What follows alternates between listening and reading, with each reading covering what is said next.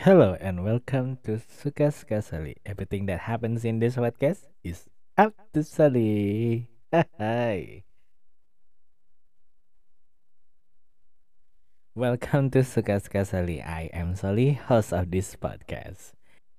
Okay, let's talk about another food that originally come from Indonesia. Okay, this cuisine is originally come from my hometown, Medan. So let's talk about Soto Medan. Okay. Uh, usually, soto in Indonesia is more like soup, and it doesn't have uh, spice to uh, thicken the uh, the liquid.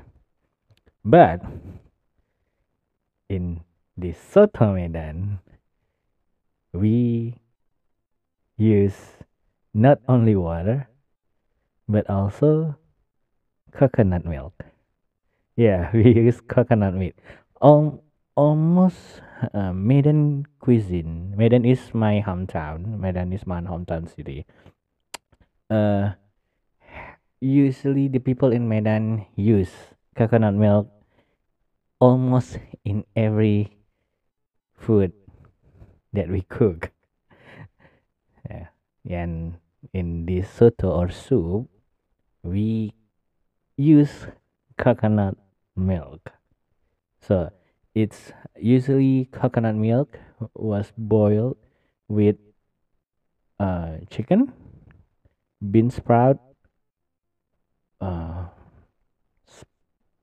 pepper, chili, uh, sugar, and not sugar, uh, salt, and I don't, I don't know how to uh, say it, garlic and onion, and many more uh, spices in the soup.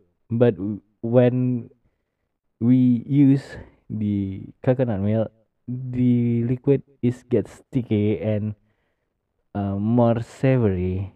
So it's not uh, not liquid. I think not it's not liquid anymore because we make the soup uh, reduce the water a little bit. So yeah, it's more like stew I think than uh, than a soup. Soto Medan. Usually we usually eat it, have it on breakfast, lunch, and some in the dinner. I don't know why, but yeah, uh, because it's uh savory and we have uh lime, uh, lime juice as the topping, a little bit uh soy sauce and chili to add more flavor. So yeah, it's savory, salty, and acid. I think in your mouth combined as one. So yeah, soto Medan is one of the cuisine that we eat in Medan. I think okay, I don't know what's happened. Uh, okay, let's let's focus. Okay, okay.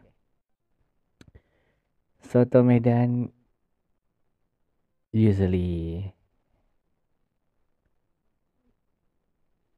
serve alongside a white rice or uh, rendang, but uh, ren- rendang in this case is more like toppings than than a side side dish, and then okay, and then uh, lontong. I will I will tell about lontong in another episode, but there is a food called lontong. There's and Yeah, we usually uh, have it alongside the carbohydrate food because it's more protein and vitamin and minerals on this food and it eats carb to balance the things that contain in the food. So hope you guys can enjoy soto medan. I I cannot describe much of it because uh, if uh, I had I don't know how to speak uh, to speak it in English, but if you cook it and another person cook it, it can be uh different flavor because uh, soto medan is uh usually a family recipe. So another family to another uh, to generation and generation has their own secret recipe.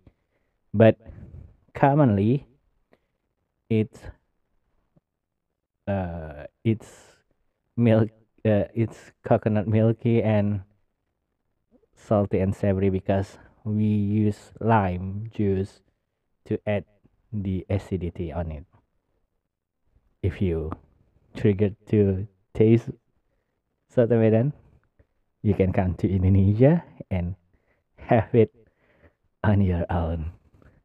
Okay i think that's all that i can tell about soto medan and don't forget to subscribe to this channel and share to your friends. Hopefully it can provide you much information about indonesian cuisine. In my opinion. I think that's all for today. Have a great weekend. I am Sali signing out. Bye